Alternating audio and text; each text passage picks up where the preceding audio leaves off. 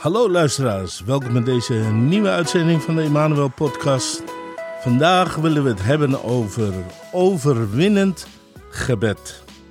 Iedereen wil resultaten zien wanneer je bidt, maar helaas zijn de resultaten niet altijd even evident. Daarom wil ik het vandaag hebben over hoe je door gebed resultaten kunt boeken. Nog niet zo lang geleden zat ik met uh, de penningmeester van de kerk rond de tafel om de balans van de kerk te bespreken. Hij legde me uit dat een balans laat zien wat je bezittingen zijn en wat je schulden zijn.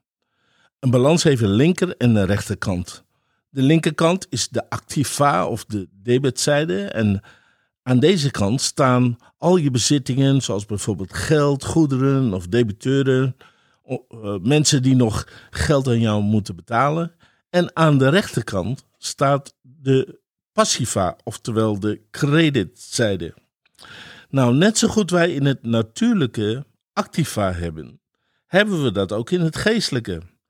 Een van de grootste activa of bezit wat God ons heeft gegeven is het gebed.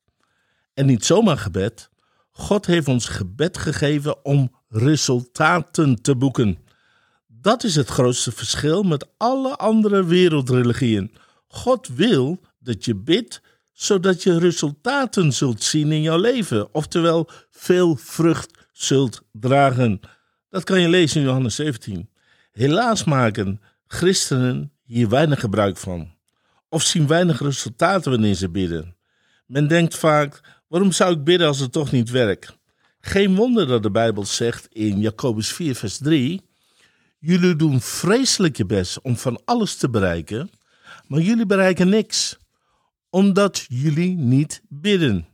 Of jullie bidden misschien wel, maar dan krijgen jullie het niet omdat jullie verkeerd bidden. De reden dat jullie om iets bidden is namelijk verkeerd. Jullie denken alleen maar aan jezelf. Dat staat in Johannes, uh, Jacobus 4, vers 3. De eerste reden die Jacobus hier aangeeft, is dat men gewoonweg helemaal niet bidt. Je zult misschien versteld van staan hoeveel christenen gewoon elke dag niet bidden. De tweede reden die hij aangeeft waarom mensen niet ontvangen van de Heer, is dat men misschien wel bidt, maar verkeerd bidt. Nou, niet bidden of verkeerd bidden is helaas de ervaring van veel christenen. Maar lieve mensen, ik wil je bemoedigen vandaag, want als je verkeerd kunt bidden, kan je ook op de juiste manier bidden. En wanneer je op de juiste manier bidt, zal je wel resultaten zien. Ziet u, u moet begrijpen dat alles in het koninkrijk van God volgens bepaalde principes werken.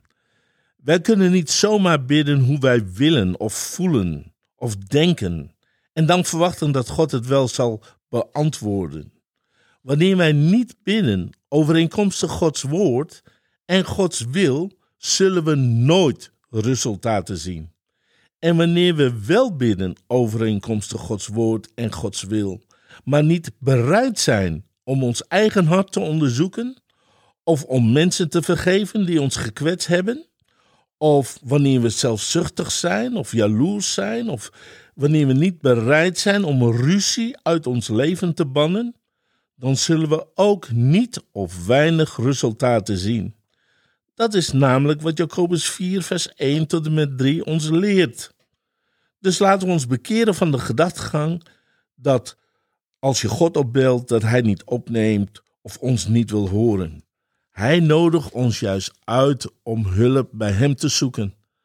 Maar we, we bellen vaak God op met een verkeerd nummer, waardoor we ons waardoor ons verzoek niet doorkomt. God heeft geen voicemail. Hij wil jou persoonlijk antwoorden, maar dan moet je wel het juiste nummer bellen. God vertelt ons in zijn woord dat zijn volk te ondergaat door gebrek aan kennis. Niet zozeer door gebrek aan gebeden, maar gebrek aan kennis. Lieve mensen, gebed is een krachtige, machtige wapen in onze strijd tegen de stormen van het leven.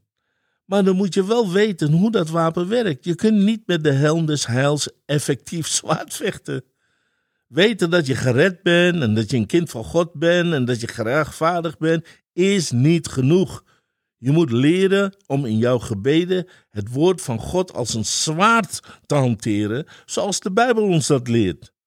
Daarom is het mijn verlangens, lieve mensen, dat u door deze serie gaat leren hoe je door jouw gebeden geweldige resultaten kunt boeken. Resultaten zoals genezing voor je lichaam, of herstel in relaties, of de redding van je kinderen die God en Jezus Christus nog niet kennen. Kortom, dat je gaat beseffen dat je door op de juiste manier te bidden alles kunt overwinnen wat de, wat de boze op jouw pad heeft gegooid. Nou, lieve mensen, tot de volgende keer en God bless you. Want de volgende keer gaan we het hebben over de kracht van gebed. God bless you.